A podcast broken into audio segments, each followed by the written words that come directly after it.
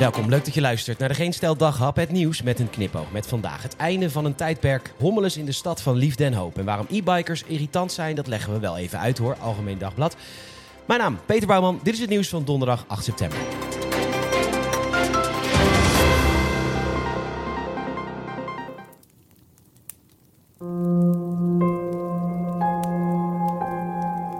De wereld is een krachtvrouw verloren. Geliefd voornamelijk in eigen land voor haar bijdrage aan het bijeenhouden van de bevolking als dat het hardst nodig was. Ze oefende het vak met zoveel professionaliteit uit en ze wordt door vriend en vijand beschouwd als de hoeder van het volk. Nooit uitgesproken, altijd duidelijk, met een talent om mensen gerust te stellen en te helen met haar stem. Het volk rouwt. Imka Marina is 81 jaar. Oh, die koningin. Ja, jezus, ik dacht de koningin van het levenslied. Nee, erg. Ik pak die memoriam er wel even bij hoor. Prima, doe ik dat wel. Oké.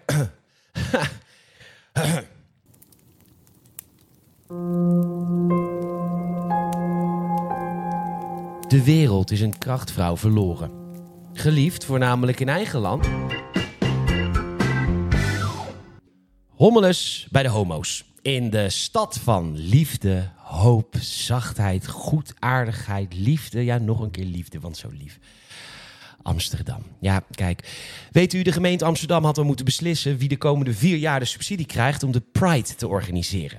Er zijn twee gegadigden. Stichting Pride Amsterdam, die het evenement al sinds 2014 organiseert. En Queers United. Kijk, Queers United wil het helemaal anders doen, want ze willen de Pride inclusiever maken. En dat betekent dat er dus minder witte hetero mensen mogen komen straks. Ja, er komen veel te veel witte hetero mensen die vinden. Ook willen ze minder nadruk op de botenparade en de feestjes en meer focus op de Pride, wandeling en de monumenten. En eigenlijk als het suf is en minder De gemeente komt er niet uit, want ja, eh, ze willen deugen. Maar ja, ze willen ook wel een leuk feest waar iedereen welkom is.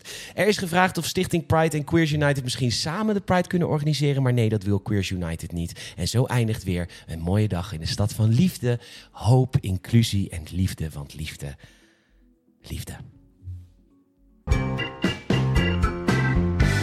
Bij het AD stellen ze de vraag waarom e-bikes bij andere weggebruikers tot zoveel irritatie leiden. Nou, heel veel redenen AD, maar vooral, het is vooral de blik van iemand op een e-bike. Zoveel zelfvoldoening. Ze zijn zo trots op zichzelf, terwijl alle onderzoeken uitwijzen dat je met op de bank zitten ongeveer net zoveel calorieën verbrandt dan op een e-bike. Oké, en de snelheid. Ze gaan hard en je bent keihard aan het doortrappen met tegenwind op je gewone fiets. En dan is het elke minuut, scheurt er weer even voorbij.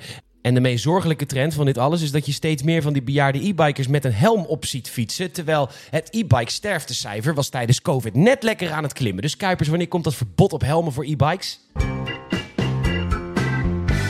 Sowieso, Liz Truss is dus net premier van Engeland. Ze krijgt het druk. En het eerste wat ze doet is de energieprijsstijgingen stoppen. Er komt een maximum tarief en dat is voor veel Britten heel hard nodig. Het is de bedoeling dat mensen niet meer gaan betalen dan 2500 pond of 2800 euro per jaar. Dat gaat de schatkist heel veel geld kosten, maar alle mensen worden hier natuurlijk wel mee geholpen. En ook worden er 100 nieuwe licenties uitgegeven voor olieboringen op de Noordzee en schaliegasboringen. Waar dan weer heel veel mensen niet, niet, zo, niet zo blij mee zijn, maar ja... Het is crisis, hè? Noem je iets.